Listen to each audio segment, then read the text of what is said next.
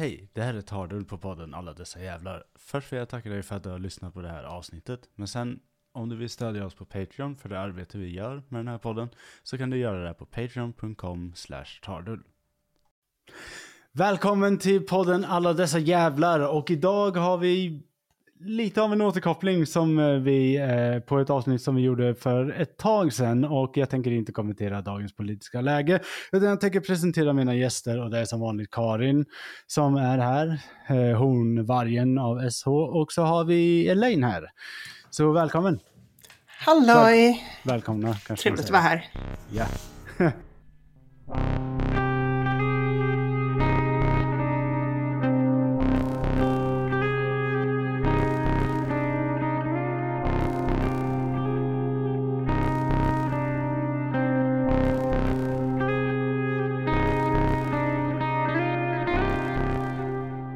Alltså du, du, jag tror att du kommer tycka det om ett tag.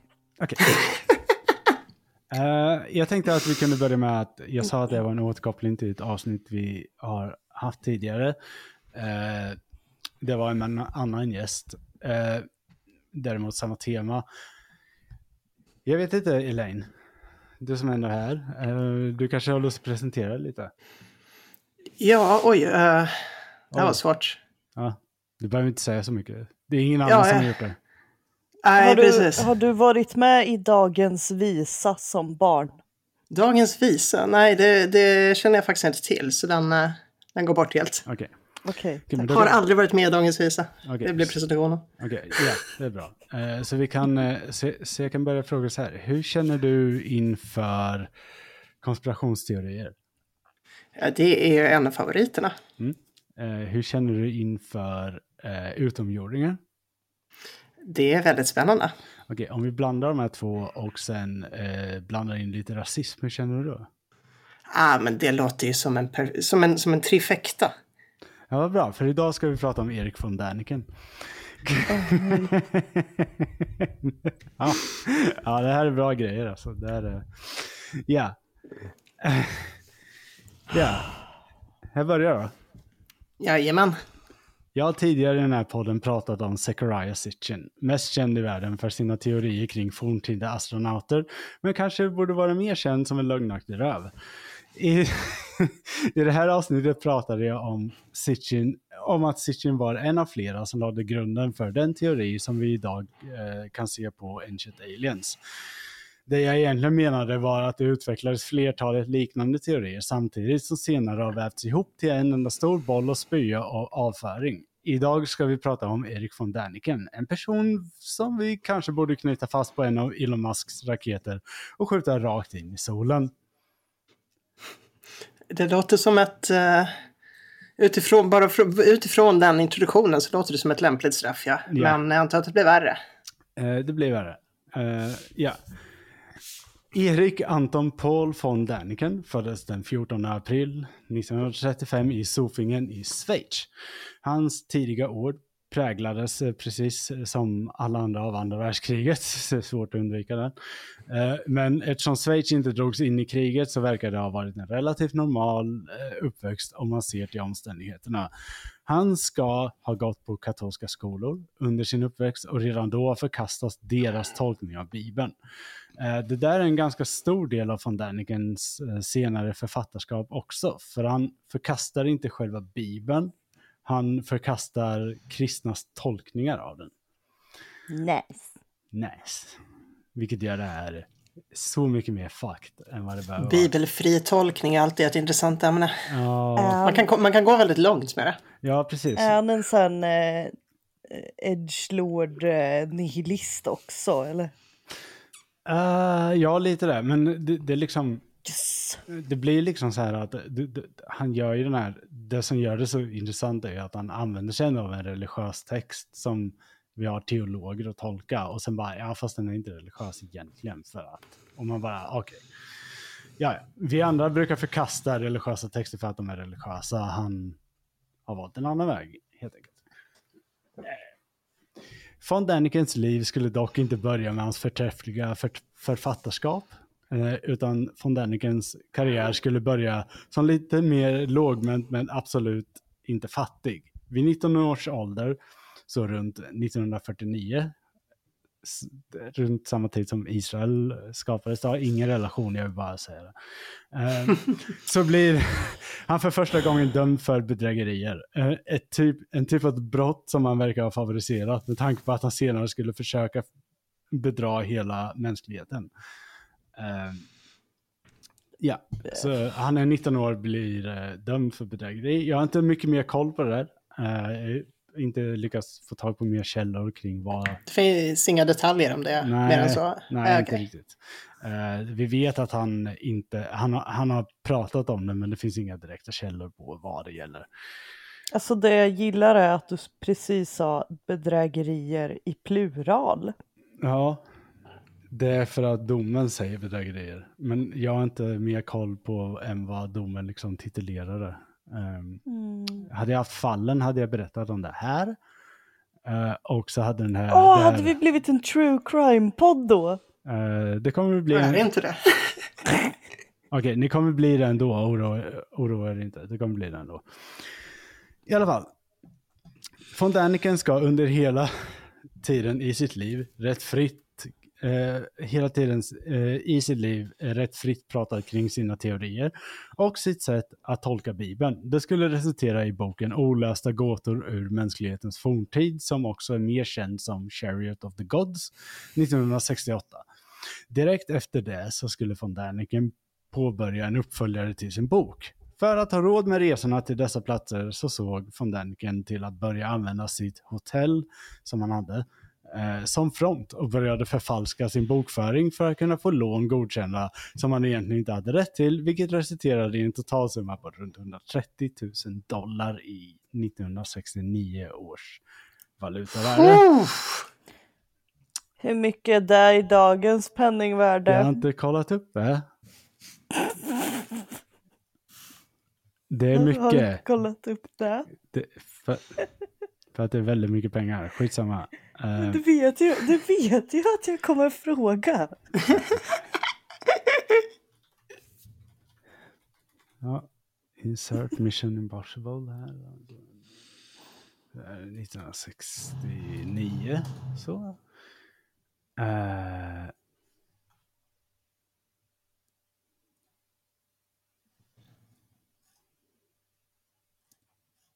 Nej, jag kan inte hitta det. Skitsamma. jag kunde inte... Ah, ja. Ja, det, Många, det, många valiant månisar, effort. okej. det, är, det är väldigt mycket pengar. Det är väldigt, väldigt mycket pengar. Och dessutom så är det här om, eh, det, jag tror det här är 3500 frank eller någonting som man eh, har översatt därifrån. Så att eh, det är väldigt mycket pengar i alla fall. Eh, von Däniken var dock inte särskilt bra på att dölja sina nyfunna finanser. Utan ska ha levt ett ganska extravagant, extravagant liv, eh, både hemma vid och på sina resor. Något som den schweiziska staten eventuellt uppfattade. och påbörjade en utredning gällande den då faktiskt publicerade författaren. Eh, han ska ha levt... Alltså, Han ska ha Det är levt... så smart det där att använda sitt, sitt hotellbolag som front för att ta ut lån och sen, sen, sen vara oerhört synlig med det. det är, Han ska enligt eh, eh, staten, och den schweiziska staten, levt playboyaktigt, ska det stå i dokumenten. men det alltså låter det är, oerhört ju, intelligent. det är ju också det här eh, att det är, det är fucking Schweiz på 60-talet. Mm. Som bara, nej men vi ska nog, ska nog utreda det här. Ja, det, det blir lite när så här, okej, letar ni efter naziguld fortfarande eller? Alltså ni måste lägga av. Det, det här är Vadå, van... det, ju, det var ju just det Schweiz inte gjorde Ja, på men den det här var ju vanligt bedrägeri. Sluta leta efter naziguld fortfarande. Att, nej, skitsamma. Uh, ja. Uh, de upp, uppfattade och påbörjade en utredning gällande den publicerade författaren. Eh, det skulle resultera i tråkigheter för von Däniken. Som menar att han menar att alla andra hade gjort fel. Och det handlar om att folk medvetet försöker sätta dit honom på det här sättet. Han var ja, framed. givetvis ja. Ja, han var Åh framed. nej, åh nej, myndigheterna är ute efter mig för att jag vet saker. Ja, något han ska ha fortsatt hävda även senare och även idag. Jag, jag tror inte jag har sett någonting som tyder på att han har förändrat där idag. Eh, han är inte helt bekväm med att eh, prata om det här idag, men alla fall. Alltså på ett sätt älskar jag såna här personer. De är ju så, Det är aldrig deras fel. ja, men de är så jävla också typ obrydda kring vad de gör. Det är liksom, Ja, men jag kan, alltså jag är så här, jag kan verkligen relatera. För Ja. jag, jag går också in, i- blir jag anklagad för någonting så går jag också in i försvarsställning och bara double down. ja, ja det gör han ju. Det, Men han, det här, fuck, fuck det här! Alltså kan jag ljuga mig ur det så kommer jag ljuga mig ur det. men han kan inte ljuga. Han har ljugit i liksom 60 år. Han har inte lyckats ljuga sig ur det ändå. Det är imponerande att han håller kvar vid det. Det är ju... Ja, det är ihärdigt som ett annat.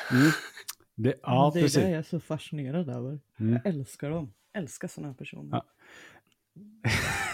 Ja det, ja, det, ja, det är imponerande. Det är imponerande att han har kvar det. Du vet, jag tänker att någon gång måste en lögn ta slut. Du vet, man kommer till världens ände där man bara, fan orkar inte mer alltså. Och han bara, nej, nej. Double the effort, double the fun. Ja, ja. eh, Det, har ju, mm. det, här, eh, det, det här kommer ju spela roll senare också i hans karriär. Eh, Jag vet inte ja karriär, det är karriär.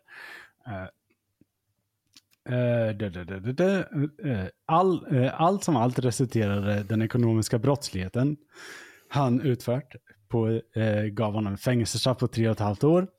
Vilket gick i, samma, gick i effekt samma år som hans nästa bok Return to the Stars, nämligen år 1970. Så han åkte in i fängelse i tre och ett halvt år, men hans nya bok Return to the Stars kom precis ut. Så det blev ju också lite så här, du vet den här kontroverseffekten.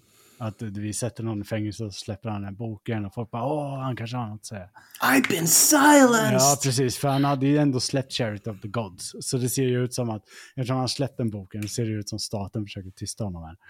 Eh, vilket eh, tyvärr eh, inte har förändrat sig sedan eh, 60-talet, utan är en grej som fortsätter än idag. Så den. Det är Han- fantastiskt. Han vet, ju, han vet ju massa grejer som NASA vill tysta ner. Hallå? Eh, Ja, precis. Eh, inte bara NASA, det är väldigt många andra. Ni, fattar, ni fattar ju ingenting. Nej, jag vet. Catch them all. Man måste ha något på alla myndigheter. Ja, ja, han har lite på alla myndigheter. Eh, Ja, men det, är- det är skitbra. Jag vet. Hållbar han, karriär. han, han är från Däniken ändå, han är ingen amatör. Eh, han är till skillnad från Sitchin, Sitchin är en amatör. För att Sitchin gick för långt. När, i avsnittet om Sitchin så pratar vi lite om hur Sitchin säger att han kan sumeriska. Eh, men han inte kan sumeriska. Om man går till den databas jag har länkat i det avsnittet och söker i den sumeriska databasen så märker man snabbt att han översätter fel. Eh, men... Jag tänkte, tänkte säga att det är så här, det, det, är sådana grejer som är lätt för experter vi är på väg att säga. Men okej, det finns, det finns färdiga Ja, nu- webbresurser nu- man kan ja, nu, använda Nu, för att nu finns det. bekräfta. Nu Ja, finns det. Men ska Ja, säga ja, precis. Sitch- Givetvis inte då. Men... Nej, Sitchin släppte sin bok eh, 1977 tror jag. Så att, ja, då fanns inte det tillgängligt. Nej, givetvis. Så då blir det så här, ja, folk bara, ja, han kan sumeriska, men han, han kunde men aldrig. Det, vi kan kolla det idag, det är inte samma sak. Eh, problemet är bara att de här grejerna lever på. Det, det liksom kvittar ju om folk påpekar det här. Eh, liksom. Men eh, ja, det, det finns länkat i tidigare avsnitt och på vår hemsida i alla fall. Så att man kan, man kan gå in där och pilla om man vill. Eh, Ja, men precis. den är, den är jättekul att pilla i om man är som jag. Inte jättekul att pilla i om man inte är som jag. Eh, Om man, om man är- är som jag menar du? nej, eh, som precis alla andra utom jag. Eh, men de, den är jättekul i alla fall. Eh, von Däniken gör lite samma sak, nämligen. Han använder sig, vi kommer in på hur han börjar inkludera Sitchin i det här. För som jag sa, de här växer ju parallellt. Det här är ju två teorier som inte går ihop från början. Eh, så det är två parallella teorier. Eh, nu när vi dock har lite mer koll på vad von Däniken sysslat med i början av livet, förutom just idén om forntida astronauter, så tänker jag att vi kanske ska prata lite mer om vad det är, vad det är han faktiskt tror på. Eh, jag sa i början att det var två teorier som mer eller mindre skapades parallellt. Eh, den som von Däniken driver, det vill säga en del som handlar om utomjordingar och en misstolkad bibel. Och eh, den som Sitchin drev, eh, och att dessa två till slut svetsas ihop av utomstående personer och kanske mest av allt cementeras ordentligt när Ancient Aliens startade på History Channel. Mm. En spännande resa ändå för sådana teorier att göra. Ta sig in på History Channel. Ja, precis, och de gamla, eller de är inte gamla, men de är gamla, gamla. Alltså, för vad konspirationer är de rätt gamla. Uh, det är ganska intressant hur tidigt det här startar ändå. Uh, I alla fall. Sitchins huvudteori handlade som tidigare nämnt i grund om att aliens från den okända planeten Nibiru skapade människan runt när vår skrivna historia börjar, det vill säga runt 3500 år före vår tideräkning. Och då ganska exakt kring sumerernas riken i Mesopotamien. Hans teori är att vi från början är en slavras, eh, som dessa aliens, det han kallar för Anunnaki, eh, använder oss för att gräva ut guld på jorden som Anunnaki kan använda för att reparera sin trasiga atmosfär på Nibiru. Jag övergår igenom det här Men mycket mer. vänta, vänta. Var det inte så att Anunnaki använde jorden för att ta ut guldet ur vår atmosfär? Jo, men det, det var ju så det började. Istället ja. för att komma ner och bara råna oss på allt guld vi har Okej. grävt fram. Ja, det, det är lite fel av mig, för att det jag gjorde i förra avsnittet som jag glömde berätta var ju att de börjar så, men så kom de på att det finns mycket mer på planeten. Så att man kan ta båda. De rånar, de rånar ju oss uppenbarligen inte på allt guld, för vi har guld. Eh, men ja, i alla fall, det är lite snurrigt det där. Eh, så de kunde reparera sin trasiga atmosfär på Nibiru, som uppenbarligen är jättetrasig. Eh, jag vet inte vad guld jag... Skitsamma. Eh, anledningen till att vi inte sett dessa sen sumererna, även om Egypten är äldre än sumererna och de var uppenbarligen där, jag har inte fullt dragit ihop där än, eh, är att Nibiru har en omloppsbana på runt 3500 år. Så andra gången de kom hit var runt Jesu födelse och sen flög de iväg igen. Det är basically Sitchins idé. Men alltså, det, vad, vad är det som Praktiskt sådär. Man råkade säger... ha en planet som, som man kunde sätta dem i på det Och pra avståndet. praktiskt är det att det felaktiga datumet år 0 var Jesu födelse Mm. och man då bara kunde skicka in de här alierna igen. Och sen har vi kommit fram senare till att nej, vänta, det, det stämde förmodligen inte alls och det här har inte korrigerats på något sätt. Utan det, ja. Men alltså det jag funderar mest på är liksom så här. Vad har, vi, vad har vi för bevis på att de var här runt Jesu födelse då? Och det är ju Jesus. Jungfrufödelsen Alltså, i så- sig. Så Ja, Jesus ja, förstås. är en... Det finns ingen bättre För förklaring. att Jesus är ju ett resultat av insem insemination av de här Anunnaki.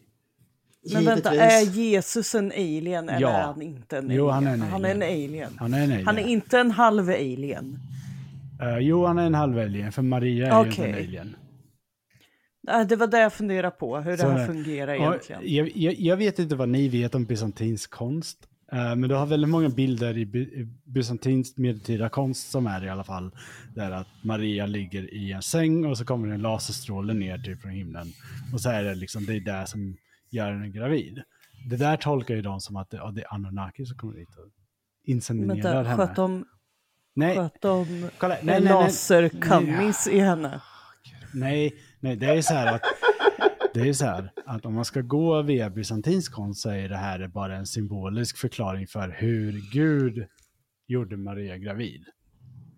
Det är Ja, bara, ja, nej men ja. alltså. Ja, det är väldigt enkelt att bara läsa det, läsa det symboliskt där. ja, för det är liksom, det, Ja, det är bara jag vill mer Det är inte svår symbolik. Nej, det är, det är en väldigt enkel symbolik. Framförallt eftersom det kommer runt en cirkel av änglar.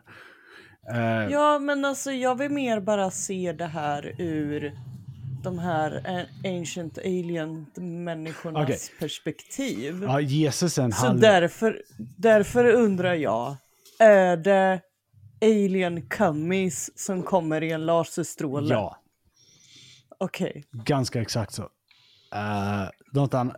Det kanske är hela processen som kommer. Jag vet inte. Jag, eh, jag har en fråga till Okej, fortsätt. om, om Jesus. Mm. eh, hur, hur vet man att han är halv alien? Med tanke på att jag, jag kan inte riktigt tänka mig att vi delar så pass mycket arvsmassa med Anunnaki att det är fysiskt möjligt att de skulle kunna avla på oss. Eh, Det här låter som människohjärnbegränsningar på att förstå, ja, förstå hur saker verkligen ligger till. Alltså. Ja, men- eh, ja absolut. Men Om de skapar då så borde de ju ha koll på det där, tänker jag. Okej, innan vi, okej, jag, jag kan förklara det här med mer ur ett historiskt perspektiv.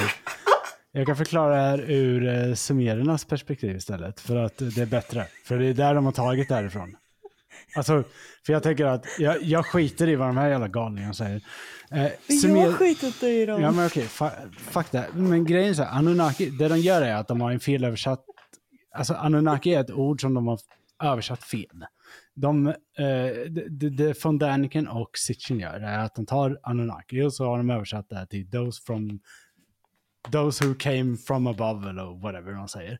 Det här är inte sant. Literally came. Ja, pre- ja, pre- ja, grattis.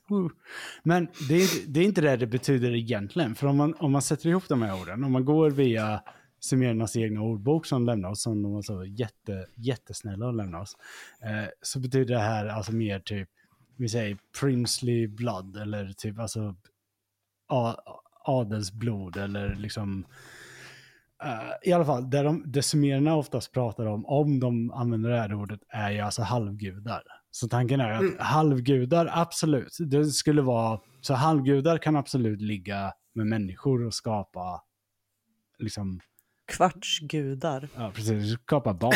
Nej, men alltså det kan, bli, det kan bli ett barn av det, men det, det, det, det är sumererna med på. Det, det beskriver de ju själva. Att eh, de här halvgudarna kan ha så här mänskliga lustar och sådana grejer. Det finns väldigt mycket sånt. Det är ju likadant i kristendomen att kristna änglar har samma grej. Grejen är att man tänker att de förmodligen är samma sak. Det är bara att de kommer... Liksom, de har skrivit om lite för varandra. Det, det är förmodligen samma grund, grundberättelse, förstår du vad jag menar? Eh, Ja, men precis. så du har ju liksom, all, mycket grundar sig ju i från det vi kallar för eh, Gilgamesh-påset. Eh, där har du med bland eh, liksom halvgudar som gör människor med barn. Och så, så har du med syndafloden exempelvis.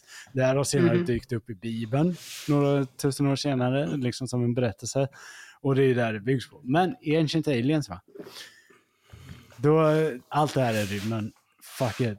Eh, uh, och det, det, ja, då blir det direkt mer knepigt så som Karin säger. Att det blir direkt mer knepigt med hur, hur den här inseminationen sker. För att det är mycket mer, så som sumererna förstår det så var det ju halvgudar.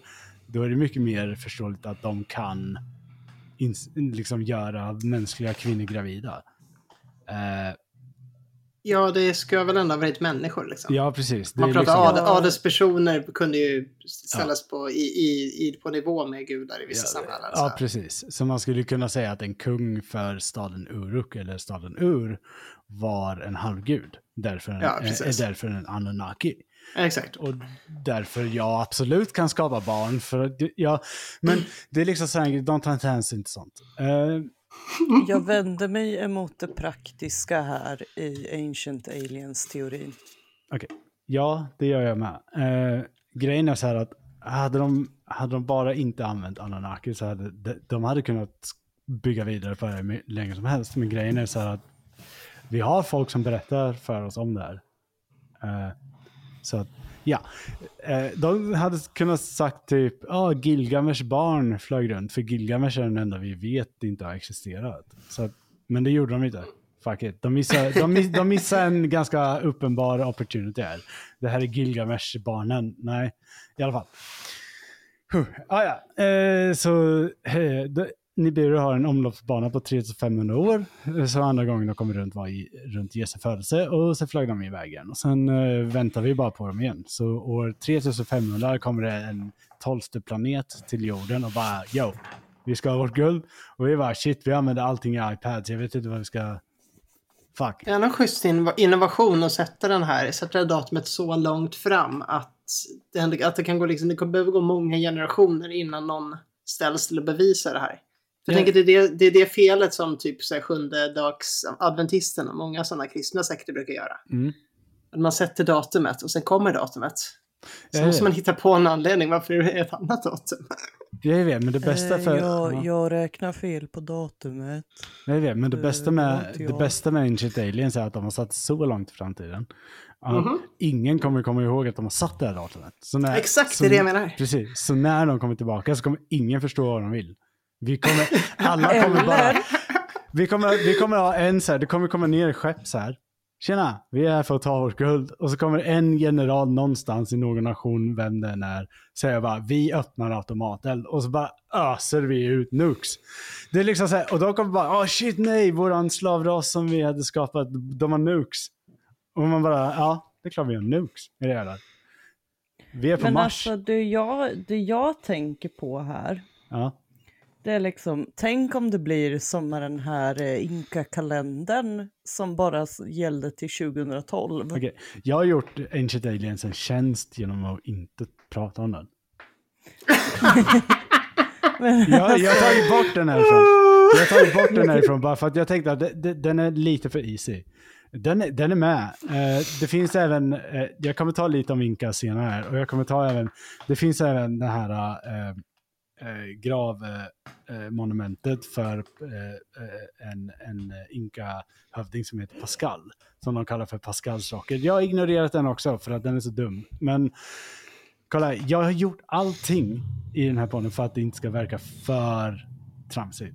Eh, men du alltså, har verkligen gått in för att stilmänna det här alltså. jag Förlåt gått, Stefan, men vi håller på med en tramsig teori. Eh, ja, men jag Alltså, tänkte... det, det är omöjligt Jag kan respektera för mig. det ändå. Ja, Det är jag- omöjligt för mig att inte sitta här som din sidekick och liksom tramsa om det. Alltså, ja, jag vet. Jag, vet. jag, kan, jag kan inte inte tramsa nu. Nej, nej, nej, jag vet. Men jag tänkte också så här att om det är så att de här nötterna plockar upp det här avsnittet, då vill jag också att de inte ser det som att jag verkligen har gått all in. Utan jag har verkligen valt så här att det här är det jag pratar om, jag kan gått hårdare åt er. Och skulle någon ta upp det här och börja bitcha, då tar vi det också. Det, det är fritt fram. Du har ju valt helt fel partner i den här podden, det är bara det jag säger.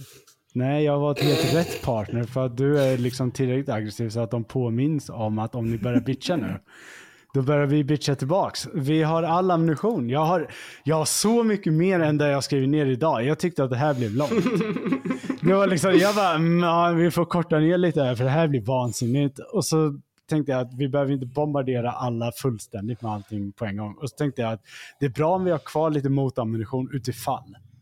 Eh, så vi kör det då. Då har vi allt från Pascals Rocket till uh, Maya-kalendern. Vi har allting till eh, de här jävla guldstatyerna de hittar i Sydamerika också som föreställer flygplan och allting där. Vi har allt det där kvar. Jag har inte med Nice. något av det här idag. Jag har bara med bra grejer idag och så, så tar vi det då när vi verkligen behöver sticka in dolken i de här jävlarna. Eh, ja, jag har ett långtidsperspektiv på det här. Eh, det sa jag redan när vi gjorde avsnitt om, Se- om Securization. Jag, jag, jag drar det här långt. Det, mm. Alla- Det kan jag respektera. man, Tack för bra rant. man ska inte sälja ut sig för billigt.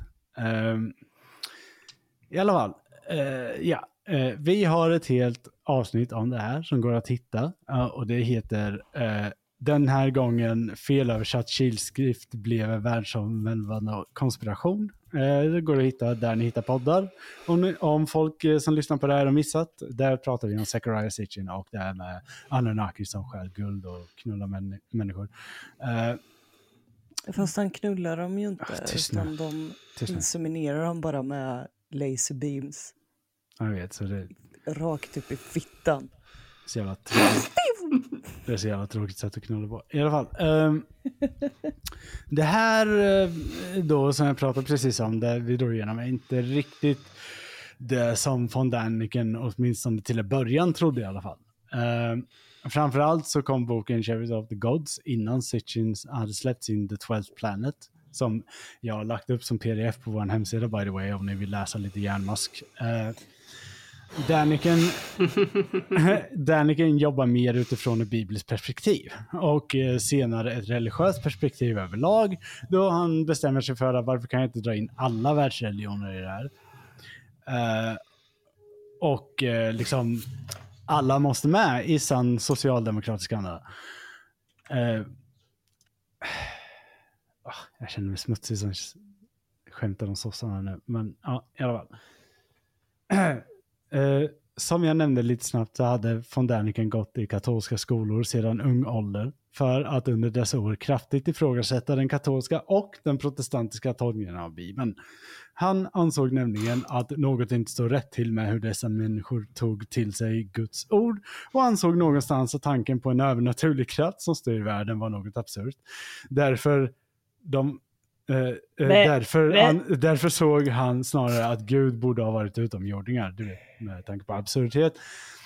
Ja, ja, mycket Eh, bättre. ja, det här var något som han var på något sätt tvungen att bevisa och han skulle inte sky några medel för att göra det heller, hens hans eh, brott. Alltså det här, jag... Mm, vad är det som gör att det är mycket bättre att tro på eh, forntida astronauter jämfört med Gud? För det är ju i syvende och sist lite samma sak. Ja, Elaine, en kommentar på det? Du brukar ha tankar? Ja... Det satte lite stopp på den, jag vet inte. Ja, det är klart. Alltså, min tanke kring, kring det är så här att det är för att det inte är något mainstream eller vedertaget och att det är lite mer futuristiskt. Också att jag känner, jag känner i min själ, det här är bara en teori, det här är bara mina Ja, ja, men du, kolla här. Von Däniken Mina har, känslor von nu. Däniken har släppt 20 böcker, kör på. Okej, eh, jag har en känsla av att när han gick på de här katolska skolorna som barn så var han så jävla edgy. Förmodligen, ja. Eh, Han var så här, eh, men alltså, jag tänker inte tro på Gud. det, det, Jag tänker tro att uh, det är alien.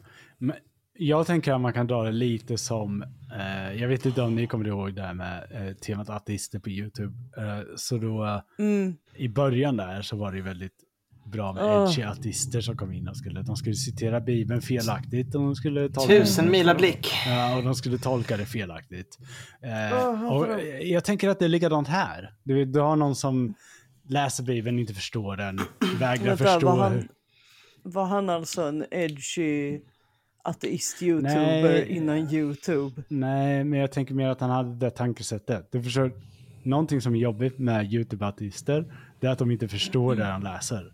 Det vill säga att du, och du har många YouTube-artister som citerar Bibeln, men de förstår inte vad det är de citerar och de kan inte, de kan inte tolka texten.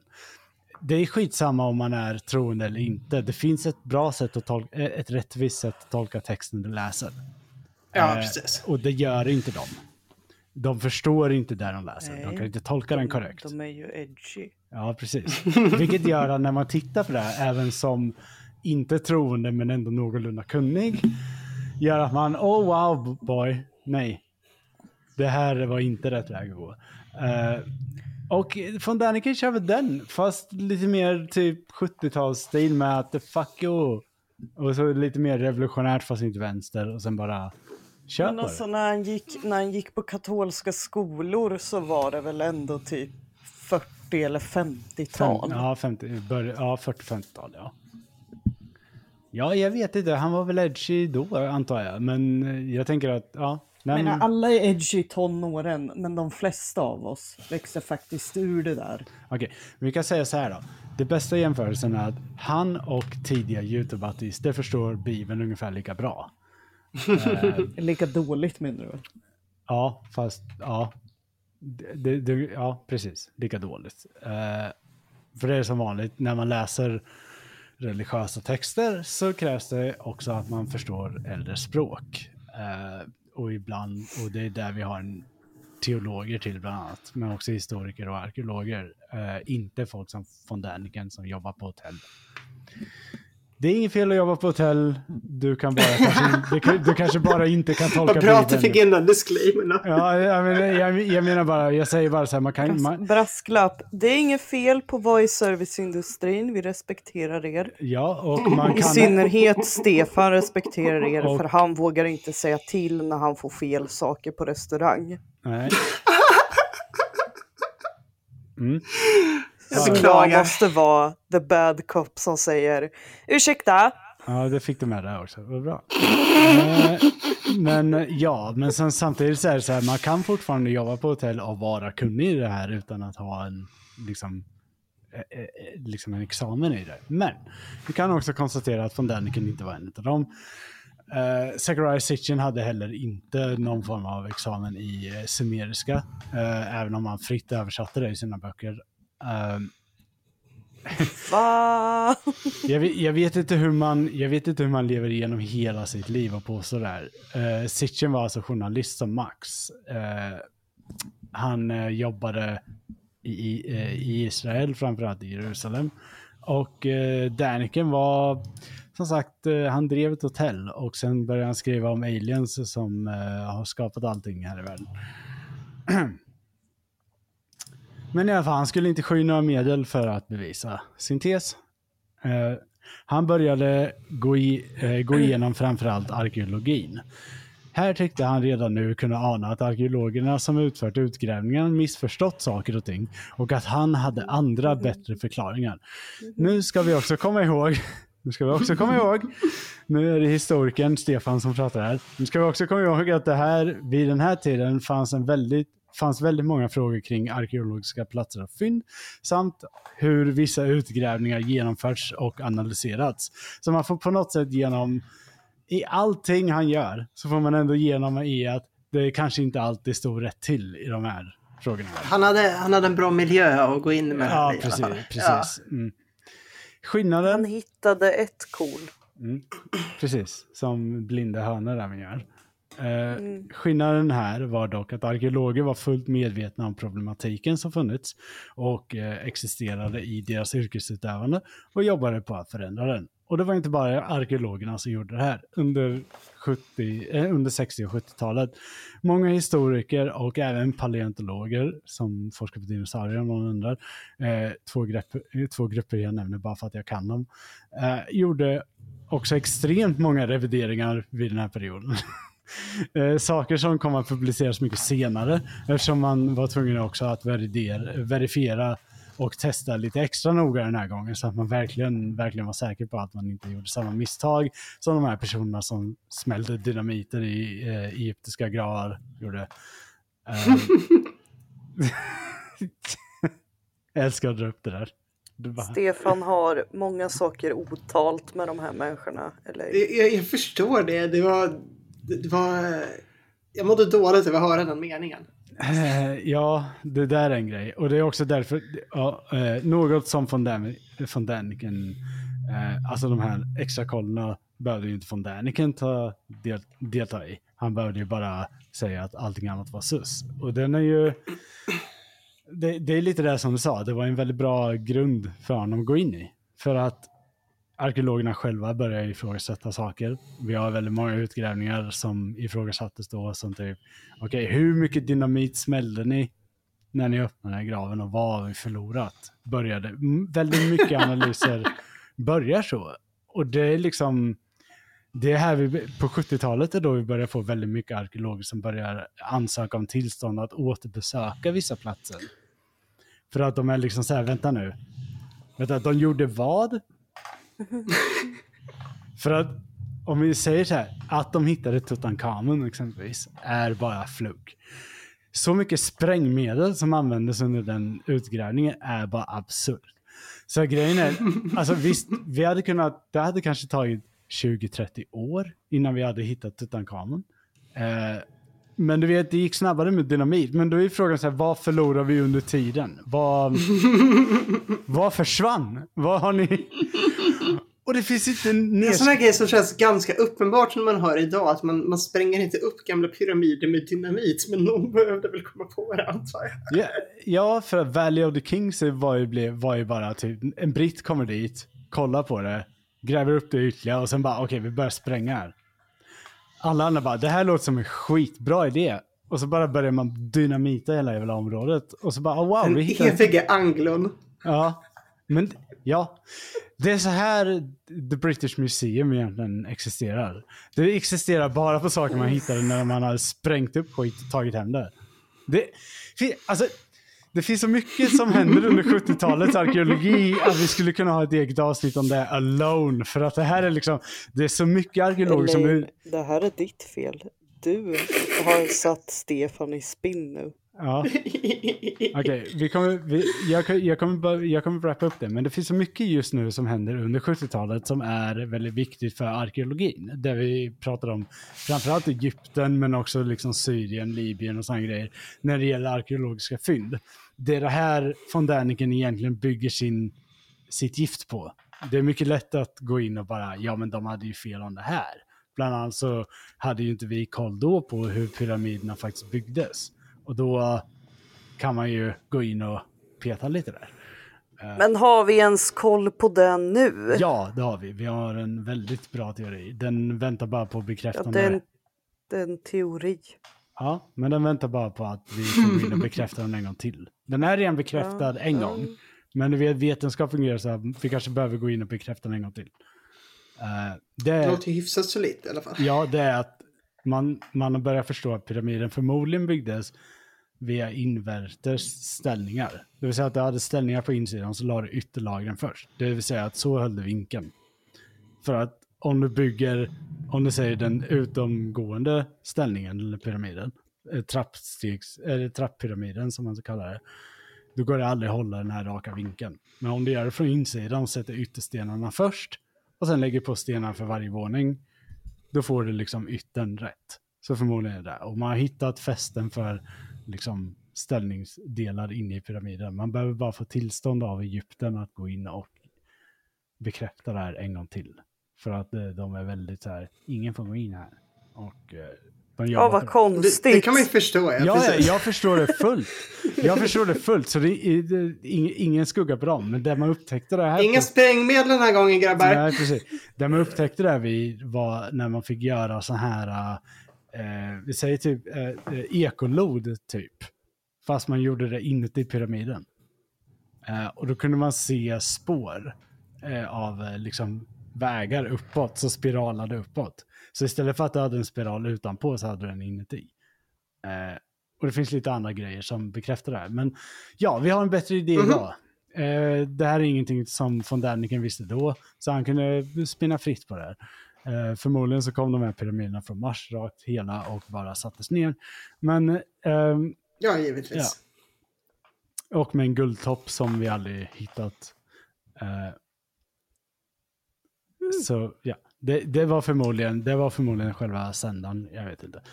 Eh, Men alltså jag tänker den här guldtoppen, kan det inte vara så att Anunnaki tog tillbaka den? Jo, jag tänker det med. Jag, tänker, För att de behöver ju faktiskt guldet. jag, vill- jag vill bara liksom lägga in det också. Så här, jag motsäger mig inte att det funnits en guldtopp.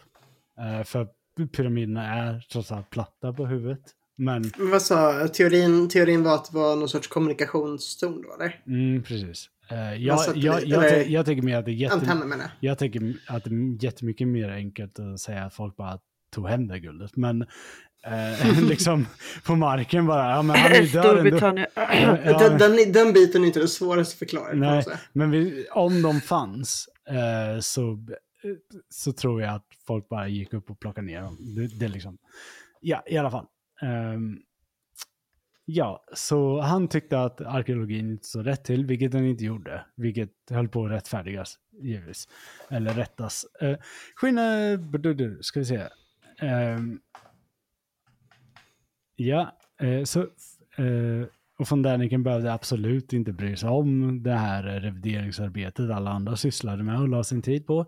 Det vill säga att man hittade inte mycket nya grejer då, utan man lade all tid på det här, för det var viktigt att fixa det här, där man kunde.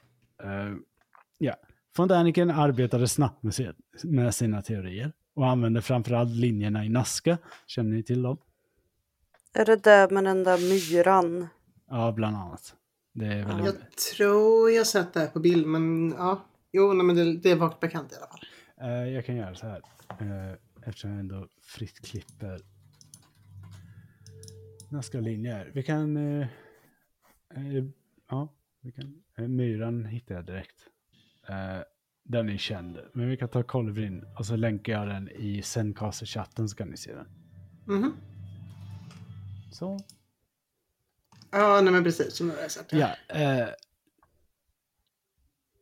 ja, eh, han eh, använder framförallt linjerna i Nazca. Eh, han använder pyramiderna. Han använder Machu Picchu. Det kan ni också söka upp vad det är för ställe. Men också en hel del religiösa och äldre texter där han bland annat pekar på Bibelns texter kring Nephilim och, eh, och att de då är bevis för aliens.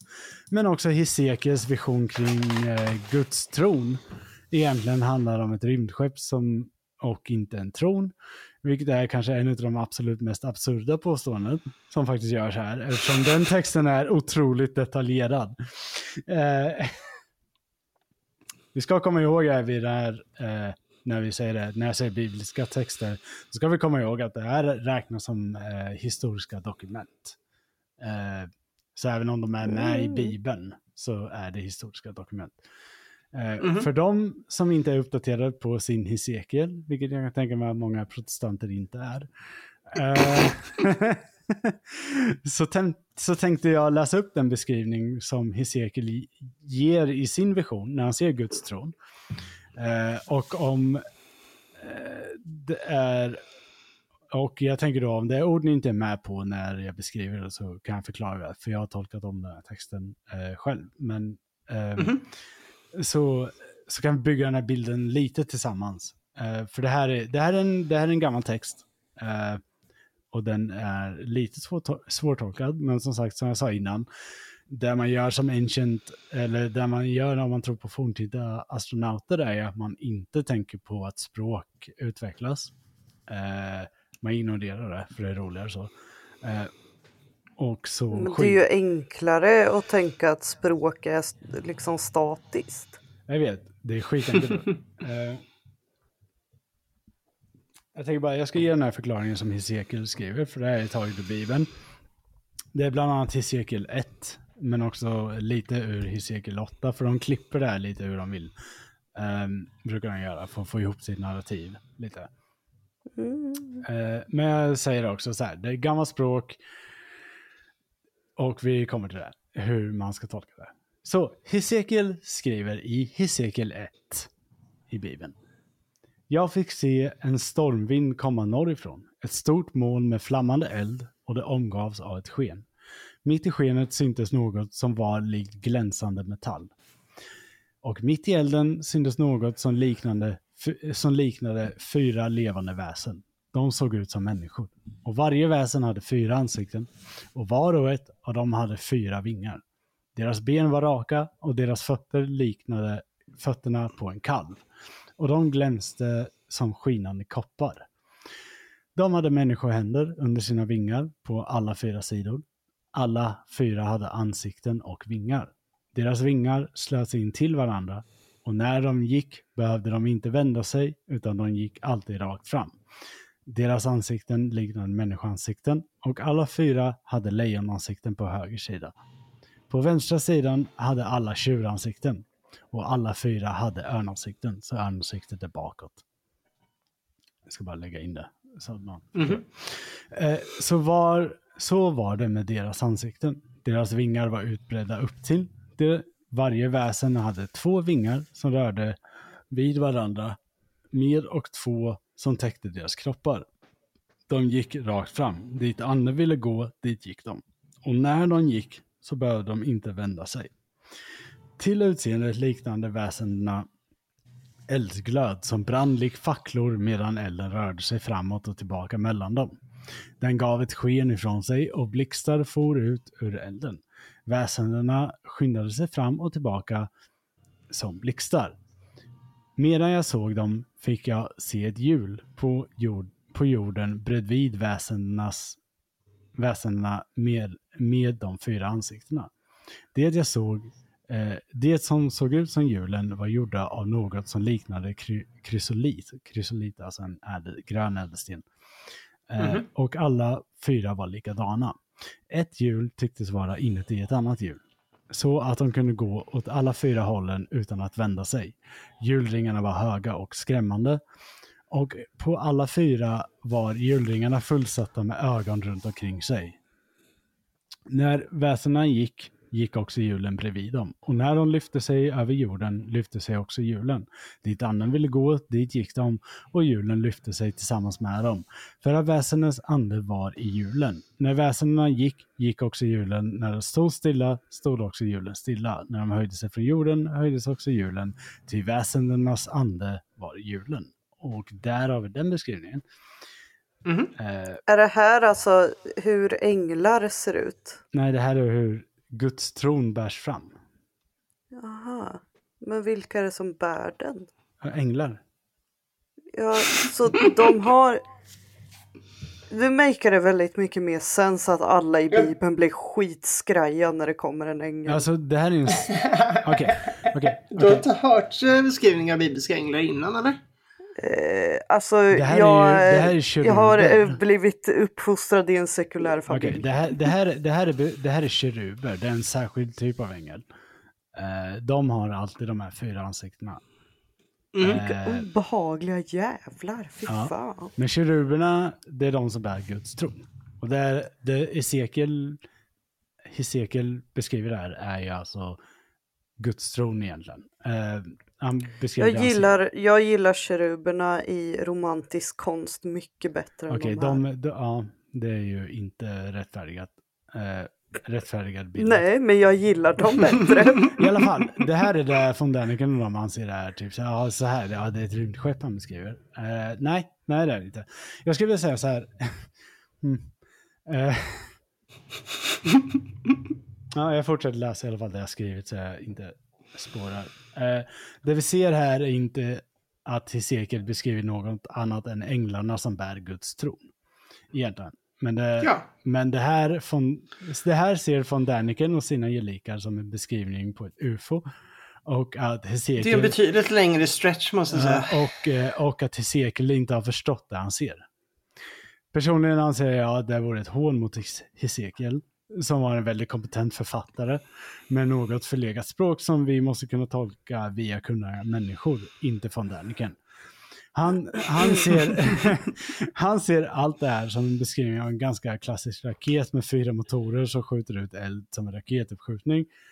Fast i denna fall verkar det handla om en landning. Och här vill jag ändå understryka att även om Hesekiels beskrivning är repetitiv så vill jag ändå säga att den är extremt detaljerad. Det, Mhm. finns inget, det finns inga frågetecken här egentligen om vad det är vi ser. Nej, precis. Eh, och eh, man har bett folk rita, bilda av det här.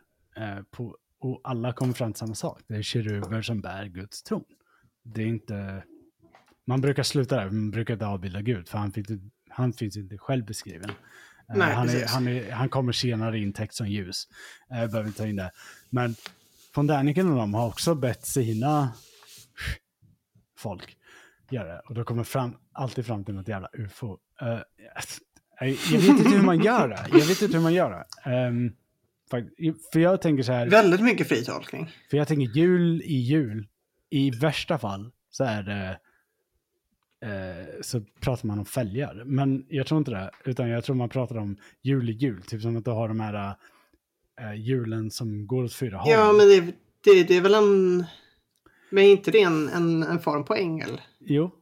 Ja, men Ja, alltså, precis. ja, precis. Jag menar bara att man tänker inte på man tänker inte på landningsställ eller jular. Så man tänker, man tänker Nej, liksom nej, på precis. De ser inte ut som det, gör de inte. Och då ska man, tänka, då ska man tänka på kanske när Hesekiel skrev det här, då kanske det fanns liksom den egentligen. Så han skrev en egen variant av den, men det är ju det han beskriver mer eller mindre. Eh, Mhm. Och jag tänker att den sämsta tolkningen du kan göra är att det är typ ett gäng BMW-fälgar. Eh, men, men alltså, det, jag, Det, det är väldigt många antaganden man får ta och förklara för att komma fram dit. Där. Ja, det är väldigt mycket antar Och jag tycker han beskriver det rätt bra. Det, det är gammalt språk och det är gammalmodigt och Esekiel har inte samma vokabulär som vi har idag. Men det är bra beskrivet. Det, Mhm. det är helt okej. Det är, frukt, det alltså, är ganska målande. Är det. Ja. Ska vi... Du, du, du, du, du. Jag tyckte keruberna verkade obehagliga. De är eh, extremt obehagliga. Eh, de, de, ja, Hiseke beskriver dem lite som eh, jobbiga att titta på sen. Ehm, men han ser ju också storheten i det. Han ser ju... whatever. Han, är, han är ju... Han är, vi läser inte Hesekiel jätteofta i Sverige. Eh, så att eh, jag förstår att det är liksom ny text. Men det är liksom... Vi kanske borde läsa den oftare. Men för att den är, bara för att den är bra. Alltså, här, här kan jag säga så här, värdet i att läsa Bibeln är att det finns bra text i den. Alltså det finns Mhm. bra liksom... Det finns genuint bra texter i den. Det är liksom bara... Men det gör ju det. Ja, eh, man behöver inte tro på någonting av det här. Man kan bara njuta av hur folk beskriver det. Och sen att man läser det, man läser det en väldigt, väldigt före detta person har skrivit. Det är kul. Eh, jag tycker det är kul. Eh, Jag, jag, jag ser vart du kommer ifrån men jag delar inte din fascination. nej, det gör inte många. Eh, Jag måste ändå säga att jag delar den så. Ja. Eh, det är lite så här von Däniken jobbar. Fast med andra, fast även med andra hinduiska texter. Eh, Ja, givetvis. ja, Åh Det Eh, är, nej! det är väl bara att plocka när man är igång. ja, när man ändå kör igång. Ska man... jag. Once you pop you just can't stop med Ja. synkretism. ja, precis. Alltså Ska, jag börjar man hatar med när vita människor åh, ska in börjar och man med peta. börjar man med Hesekiel kan man lika gärna gå vidare. eh, fast man, ba, ba, ba, ska vi komma ihåg att de hinduiska texterna är bra mycket äldre ibland. Uh, uh, bland annat där man beskriver allt från flygande palats som gudarna sitter på, vilket de gör. Uh, jag kommer inte ihåg det exakta ordet nu, jag kommer inte försöka leta upp det heller. Som man anser naturligtvis inte är gudar, utan det är olika former av rymdfarkoster som man menar, men inte förmår sig att egentligen beskriva. Så att det, det är ett dumförklarande av forntidens människor. Vi Ja, givetvis. kommer tillbaka lite där senare också, varför jag hatar det där.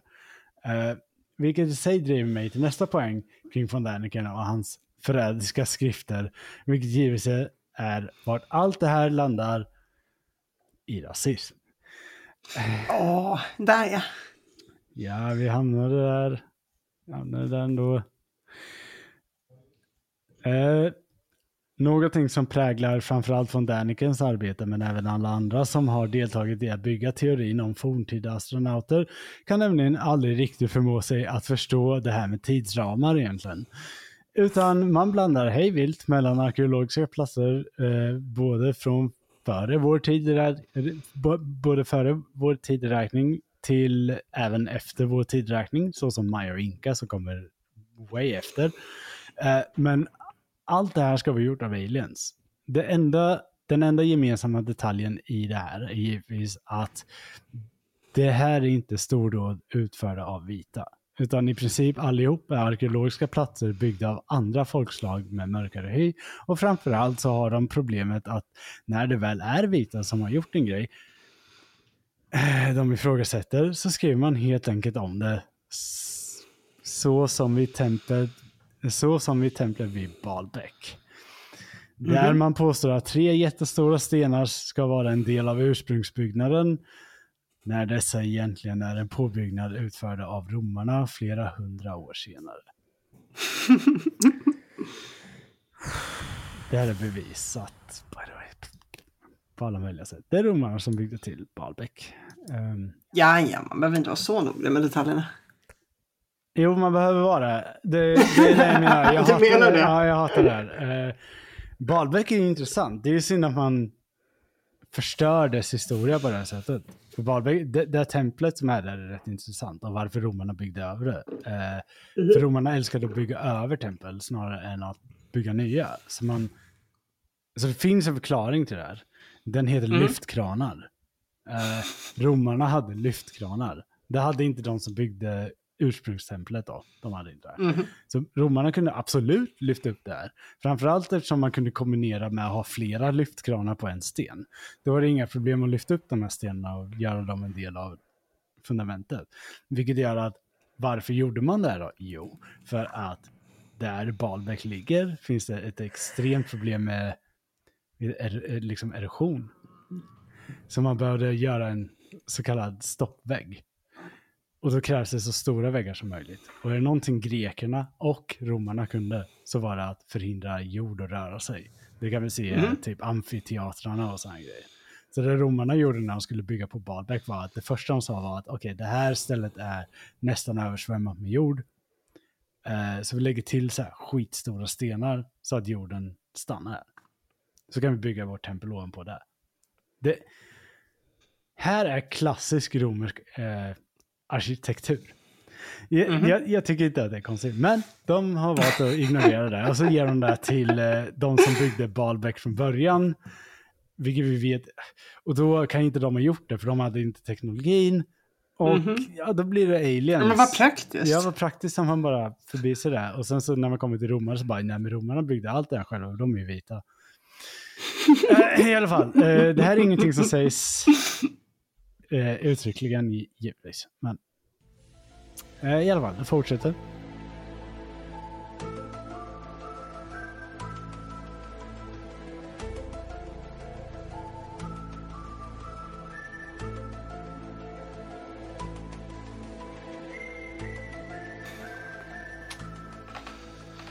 Eh, ja, eh, så när von Däniken pratar om, eh, om att aliens skapade de vackra Nazca-linjerna eller att de byggde Machu Picchu.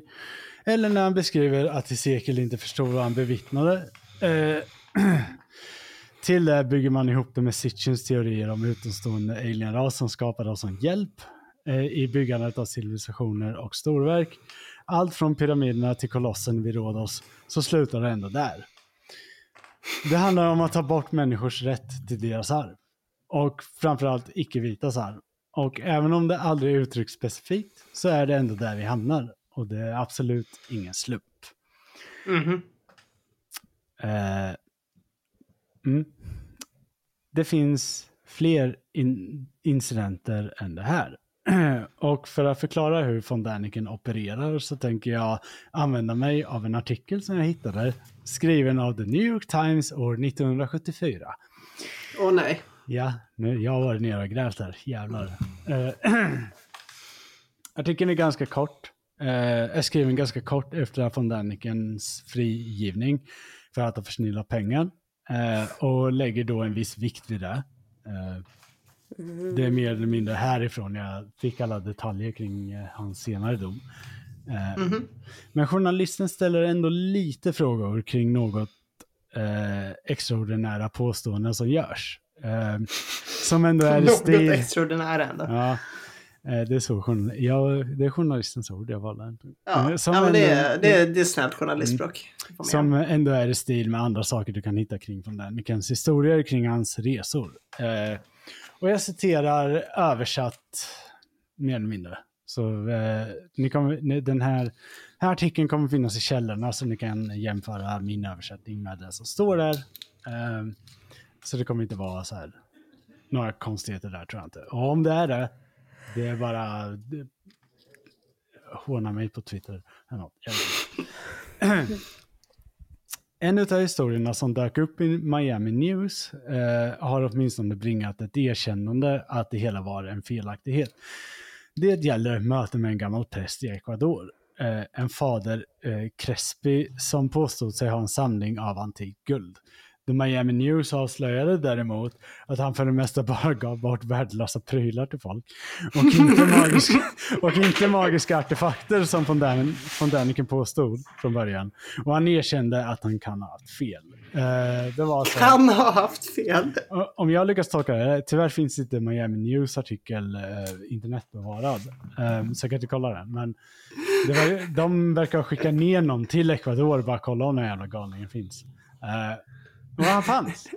Men det var bara att han gav ut så här värdelösa trinkets och sen ingenting mer. Till god... Ja, okej. du, du, vet så som folk gör till turister när man kommer till sådana ställen. ja, men precis. När, när nyheter reser tillräckligt långsamt att någon behövde skicka ner någon från NYT för att Ja, men det- dubbelkolla det. Ja, men det, det här påminner mig om eh, eh, kreationisternas resor till Afrika när de, ska, eh, eh, när de ska bevisa att dinosaurierna fanns samtidigt som oss. Och de ska Ja, leta ja, nära ja. Nkomo Membe eller vad den heter. Och de lokala liksom, befolkningen där bara köper in på det här rakt av för att de tjänar skitmycket pengar på att det kommer dumma vita kristna ner och letar efter en dum jävla dinosaurie som inte finns. och man liksom bara... Ja, det är klart de gör det. Vad fan, vad fan ska de göra då? Det är... Nej, men eller hur? Man tar ju chansen när den kommer. mm. Alltså 500 spänn är ju ändå 500 spänn. Exakt, exakt. Och de gör det, och de, då, de, som är, Respect hustle, säger jag. de som är i Kongo där i Afrika, de som har eh, Mukumbo Membe, de, de vet så här, när det kommer ner en turist, då har alla så här sin roll att spela. Det här är liksom någonting som en annan vit journalist upptäckte för att han var liksom så här, okej men ni måste sluta bullshitta mig nu för jag vet att allt det här är bullshit. Och de bara, ja okej då. Ja det här är skit. Så, här, så liksom han erkände, så han gick igenom det, men då hade de så här, äh, den här byn då, som man brukar åka till, hade så här, ja nu kommer en vit så här äh, kristen kreationist, här. ni vet vad ni har för roll, alla. Och så liksom spelar man på det här och bara drog in pengar, för de betalar ju. Det är genialt! Ja, eller hur? Och så fort de åker hem så bara, ah, vad fan var det där? Igen, respect the hustle. Ja, jag vet. Och så var det bara så när de åker hem så bara, ah, vad fan var det där? Bara, jag vet inte, skitsamma. Vi har 500 spänn, ska vi käka på McDonalds? Bra. Nu.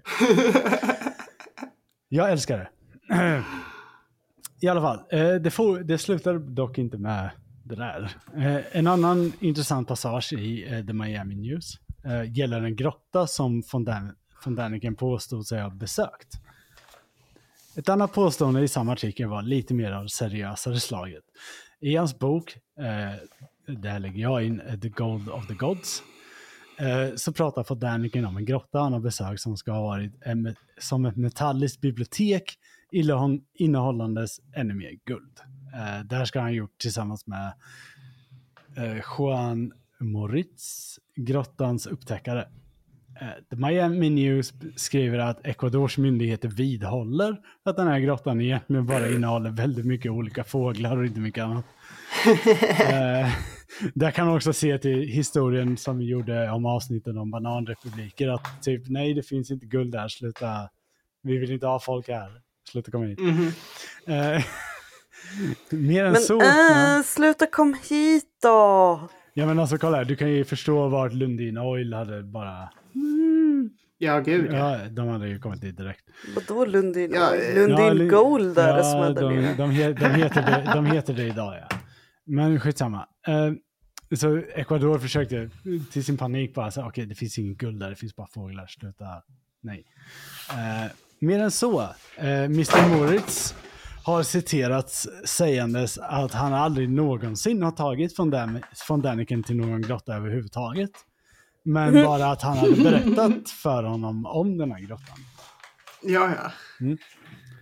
Eh, sen i den här artikeln så kommer en lite rasistisk kommentar på von, Dan von Danikens brutna engelska som jag inte tänker ta med. Men det fortsätter. Eh, det är typiskt amerikanskt. Eh, eh, det står, ja skitsamma, jag skulle inte ta med den så jag tar inte den. Eh, jag, jag Men du, du vill ju, du vill ju Stefan. jag men jag kan lägga in, ah, jag men jag kan lägga in den i eh, beskrivningen av avsnittet sen i källorna. Eh, Ja, det blir bra. Varför? Onward. Eller vill du att jag säger den? För jag, kan, Ja, jag vill att du säger det här. jag, kan ju klippa, jag kan ju alltid klippa ut den, det är inga problem. Say the racist thing, Stefan. Säg den rasistiska saken vi vill att du säger. Alltså, Men kan- du vill ju säga det. Jag Du vill ju det- säga det- vad han sa. För den är ganska kul. Men den är också, den är också väldigt så här, mm. Det är så här att Du är chefen. så här, vi säger så här, eh, det kan föranleda det här, att den som har skrivit den här artikeln är väldigt duktig. Eh, för han är också väldigt så här, sarkastisk runt omkring när han pratar med von Däniken. Det finns lite så här remarks, han lägger in så här typ beskrivande detaljer. Eh, det är bara att den här blir lite väl där. Eh, ska vi se. Den här är skriven 1974 ska vi komma ihåg. Ska vi se om jag hittar den. Just det här. Perhaps von Daniken's English was becoming overloaded. He somewhat confusedly explained that he had indeed gone to the cave. Det där är ju alltså att, för han beskriver tidigare att han har en väldigt bruten engelska. Och mm. mm. his English become overloaded är att hans hjärna bara bryter sönder. Men ja. Inte för att vara sån, men med tanke på vad Dadiken sa om andra människor och deras kulturarv så... vi får se hur mycket jag valde av det där. Eh, Tillbaka kaka. Ja, ja. Ja, ja. Onward. Ja, i alla fall. Eh, så, eh, men det fortsätter i alla fall. Han, då von Däniken, försökte förvirrat förklara bort det eh, som kommit fram genom att påstå att de hade gått igenom en sidoentré som han hade lovat Moritz att inte avslöja vart den låg någonstans. Vilket ändå, vilket ändå får anse... Ja, jag vet, det här är fantastiskt. Eh, vilket ändå får anses konstigt, då hans bok innehåller en karta som pekar ut grottans plats. Vilket då journalisten då i artikeln också lägger till så här, varför, varför ens göra det då? För om du inte ska... Varför pekar du inte ut var den här grottan finns om du inte ska... I alla fall, det var 1974. Eh, Mm. Däniken glöms bort lite i sorlet faktiskt. Eh, men Mhm. det betyder inte att han glöms bort i eh, kretsarna där han betyder något. Um, von Dänikens skrifter influerar folk än idag och han har inte backat ifrån sina generella påståenden över, överhuvudtaget. Han har dessutom aktivt fortsatt att än idag skriva nytt material och fortsätta bygga på den här teorin och försöka sprida den. Frågan är då var vi drar gränsen mellan en griftande charlatan till någon som bara är aktivt dum i huvudet. Jag väljer nog att sortera... Kan man in- dra den gränsen efter Ja, tiden? jag väljer nog att sortera in von Däniken i båda delarna. För någonstans verkar han ändå vara smart nog i hur han spelar ut sina kort för att anses orelevant för det mesta, men samtidigt tjäna pengar på att förgifta brunnen där folk inte märker av det. Van Daniken och Sitchin kanske inte är de största svinen vi har pratat om i denna podd eh, alls, och kanske inte ens i närheten, men jag vill ändå ta upp dem som ett bevis för att det inte är enbart antalet lik som ska räknas på skalan, utan även antalet medvetet förstörda liv man faktiskt har orsakat.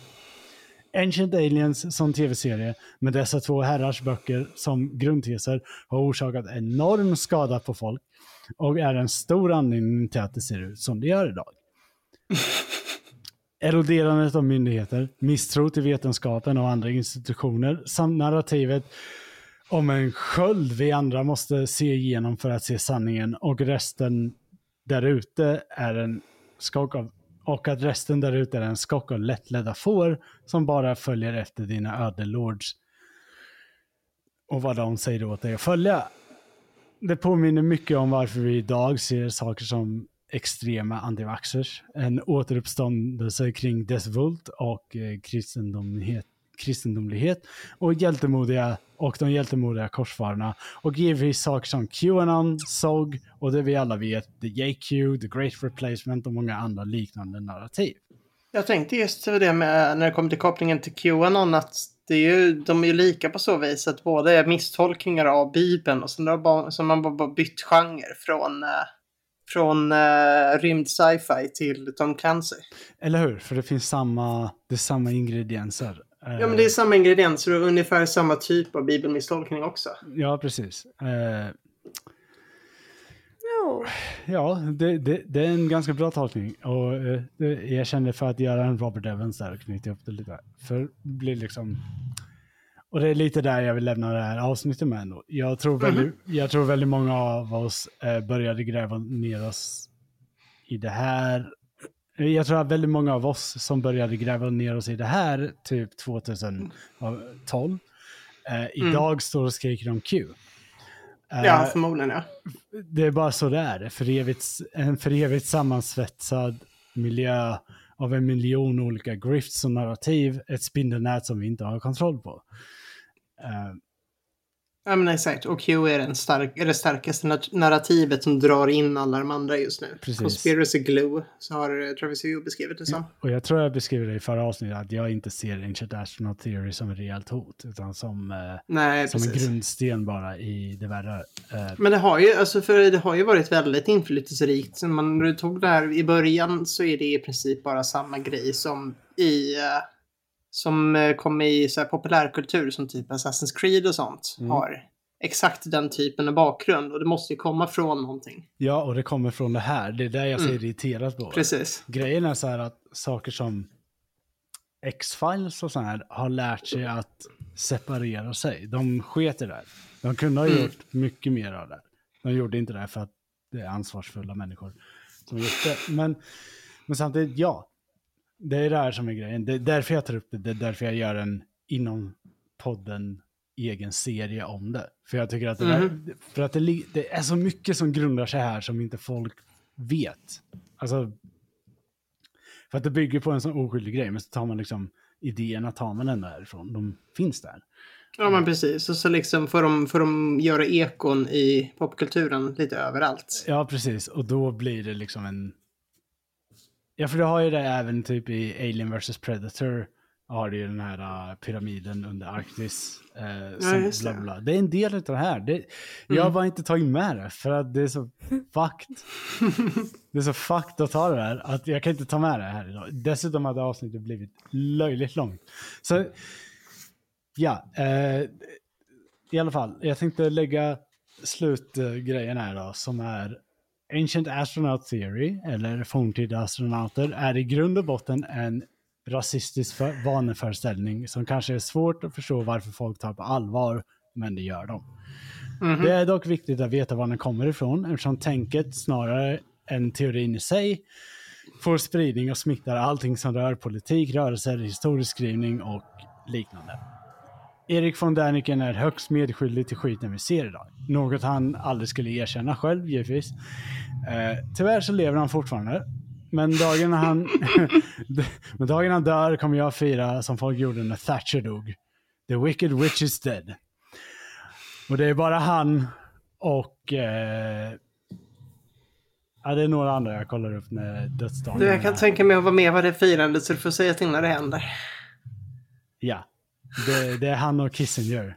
När de två dör, Ja, definitivt. då kommer jag ställa till med kalas. Jag kommer ha en stor fest för alla som vill vara med. ja, och där var vi klara. Hur känner du dig? Vad tycker du om det? Ja, jag vet inte vad man ska säga. Eh, never stop grifting är väl intrycket jag får av den här människan. Mycket att ta in. Eh, jag tror jag, jag är lite rädd ibland att man ger dem lite för mycket credit när man börjar citera bibeltexter själv. Men samtidigt så är det... Man måste göra det också, för jag måste gå in och läsa de här texterna. Liksom, Ja, men precis. För jag känner liksom Alltså- att jag kan inte ha läst det här så fel. Min, min favoritgrej med den här människan. Det är att han, han gör som jag när någon säger att jag har fel. Mm. Double down. Ja, eh, grejen är att det, det Sitchin gjorde var ju bara att aldrig ställa upp på intervjuer. Så att han behövde ju aldrig svara på någonting. Jag måste säga, han är ändå, du så, la, fram, la upp honom som amatören. Jag måste ändå säga, han hade verkar ha haft lite bättre koll på läget. Ja, men han var ju ändå journalist, så han förstod ju direkt att det här... Ja, shit, Han jag- förstod värdet av att säga lite mindre. Ja, så det var liksom så här, jag vet exakt hur tidningar funkar. Så att, eh, jag menar, ja, så han är ju amatören. Eh, men han är ju amatören i det där att han kan påstå sig kunna se mer skatt. Det där är en grift som jag, jag vet inte hur man vågar Ja, köra. nej, den var ju den var väldigt amatörmässig får man säga. Men, men alltså också att man vågar köra den så länge. Den är, Mm. och aldrig backa ifrån den. För att vi läste ju, vi läste ju i det här avsnittet läser vi en artikel eh, strax innan hans död. Mm. Eh, han backar ju inte från något det där, utan han bara säger, nej men jag tror att de här har fel, arkeologerna har fel. Jag citerar en, en, en kristen... Jag tror det var enda sättet vid det laget. Alltså, menar, men, ja. När man har hållit i det så länge så då, då är det bara, då är det för läskigt att bjuda in alternativet. ja, lite det det. säger. Ja, fast von Däniken började ju från början någon- med det här. Det, Om liksom, någon det, bara Karin du har fel, Karin du ljuger. Då är jag bara så här, mm, nej. nej. Men, men det, var, det var lite kul för jag använde ju en källa då i förra avsnittet var ju Dr. Michael Heiser. Eh, eh, Han är ju doktor i bland annat sumeriskt språk och så här, eh, tre utdöda språk tror jag. Men han är också kristen. Eh, Så då var det folk som tyckte att det var lite konstigt att jag använde honom som källa. Men jag tycker att hans kunskap inom de språken tas inte bort bara för att han är kristen. Och framförallt Nej, så tas det det, väl... framförallt tas inte hans tolkning av Bibeln bort bara för att han är kristen. Utan han förklarar Nej, alltså. ganska bra hur det är med Nefilim sådär. Liksom, Uppfattningen jag fått av, alltså, så här, av teologer, nu, nu, nu var inte han det, men alltså, av teologer vid, vid moderna universitet är väl att det är en ganska salig blandning av folk från olika trosuppfattningar. Och, ja, precis. och ateister och Jag, jag att, det- att, att det går att hålla en hyfsat gemensam linje för det. ja, för att om jag hade tyckt att han beskrev Nefilims fel, då hade ju inte jag Mm. tagit med det. Men jag tycker han tar det rätt bra. Alltså, Mm. För även om man tror på Bibeln så har han en väldigt klar tolkning av Nefilims, hela den historieberättandet och allting kring Leviathan och sådana grejer. Jag har givetvis kollat annat arbete han gjort utöver det här så att man liksom kan bekräfta att han inte är helt jävla galen. Eh, och han gör, väldigt, han gör ett väldigt bra jobb, så det är därför jag har använt honom som källa. Eh, I det här har jag inte använt honom som källa, eh, för jag har inte behövt översätta sumeriska. Men eh, jag behöver inte ha honom som här. eh, för Pondaniken gör det så lätt för mig, jag bara... Wow vad du ljuger. Jag kan, kolla, jag kan öppna min egen bibel och bara holy shit. men, men det finns, mycket, det finns mycket mer med von Däniken som är intressant att ta i, som jag inte tagit i idag. Jag tänkte Mm. att man får portionera ut det lite.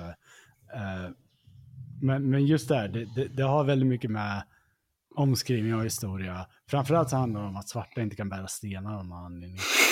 Det är väldigt mycket det. Eh, det, Mycket, mycket effort vita människor har lagt ner på att försöka driva den poängen genom historien. Ja, jag, ty jag tycker det är intressant att man lagt ner så mycket tid på det och sen... Väldigt mycket tid och effort som hade kunnat göras något bättre med, tänker man. Men... ja, men han har ju ändå varit på de här platserna och så bara... Ja, men aliens. Och så bara, nej. Men det, det, det är ett av problemen här har ju varit att de här arkeologiska fynden som vi har hittat har tagit sån tid att vissa av dem inte presenterats förrän 1990-talet. Mm. Eh, och det är för att man har, man har på 70-talet börjat, man har insett att okej, vi har, det här är fel. Alltså Mm. någonting är off. Och så har man börjat om då. Och där har han, han kunde ju ta sig in där. I det här lilla hålet där på 20 år. Och bara göra sin grej. För det var ingen som hade svar. Och sen när svar kommer, då kan man bara ignorera dem. Ja.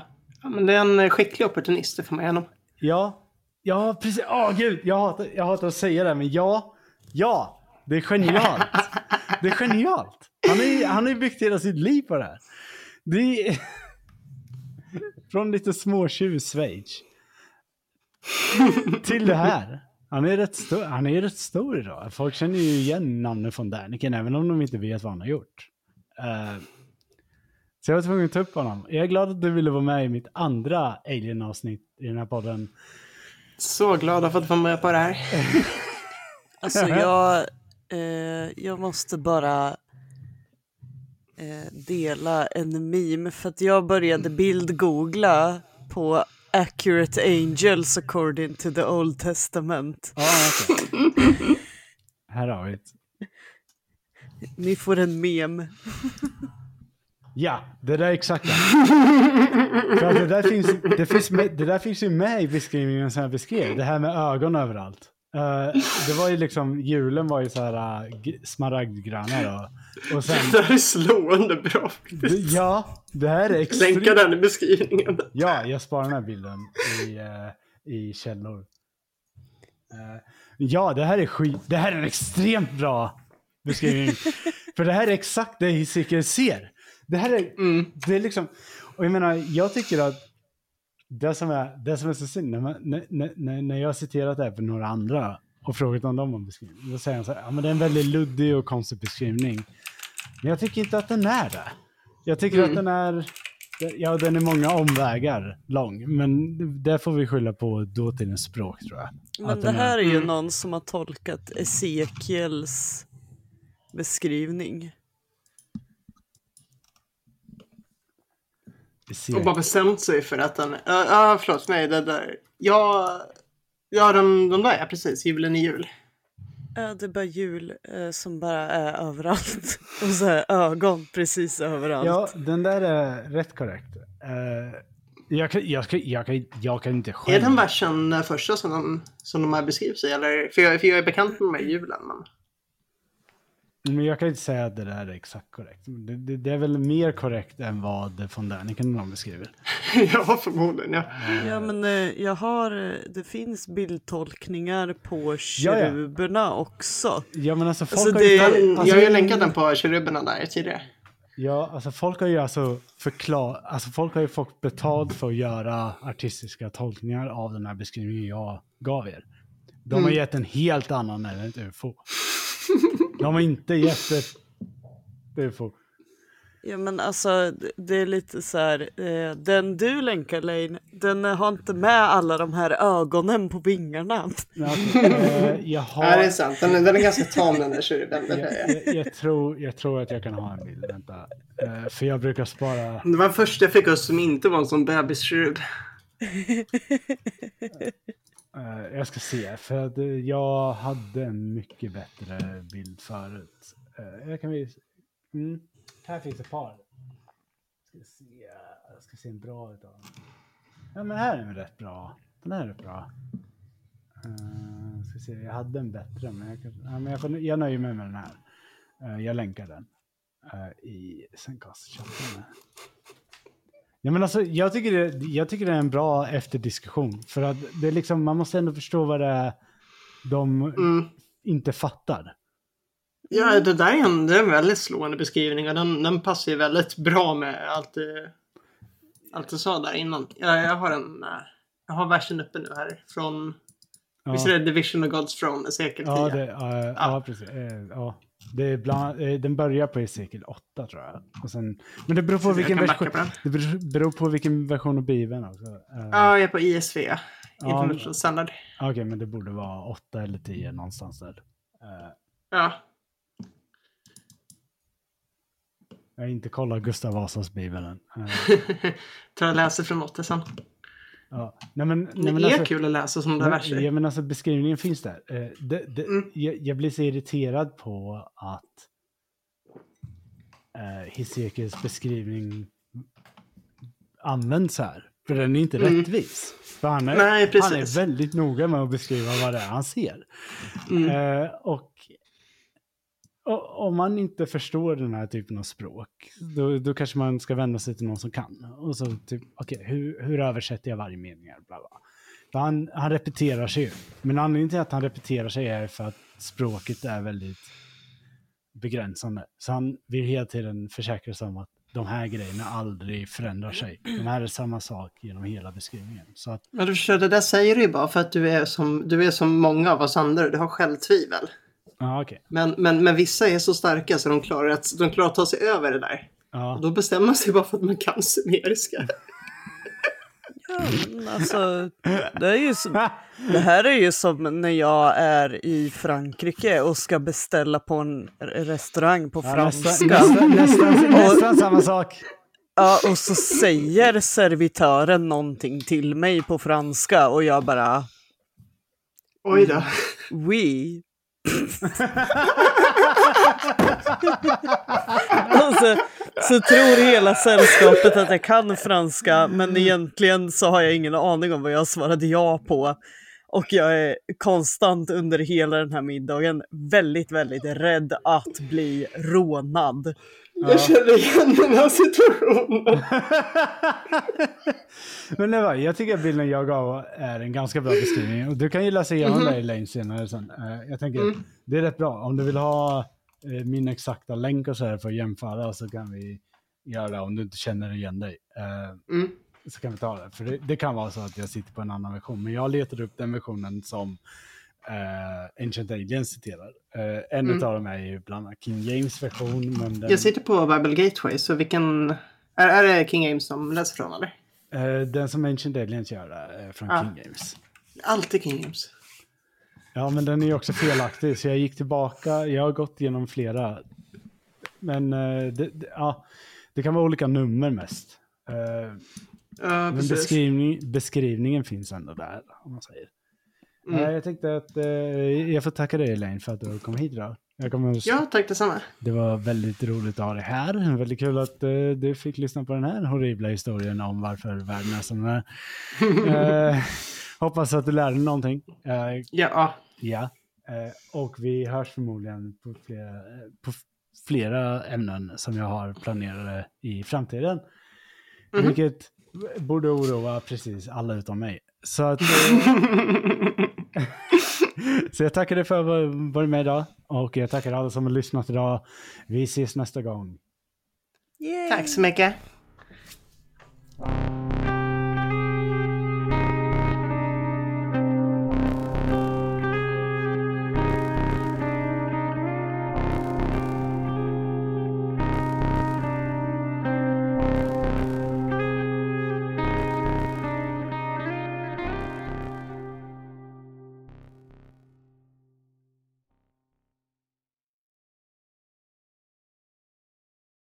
Det här är Tardull på podden Alla dessa jävlar. Först vill jag tacka dig för att du har lyssnat på det här avsnittet. Men sen, om du vill stödja oss på Patreon för det arbete vi gör med den här podden, så kan du göra det på patreon.com slash tardull.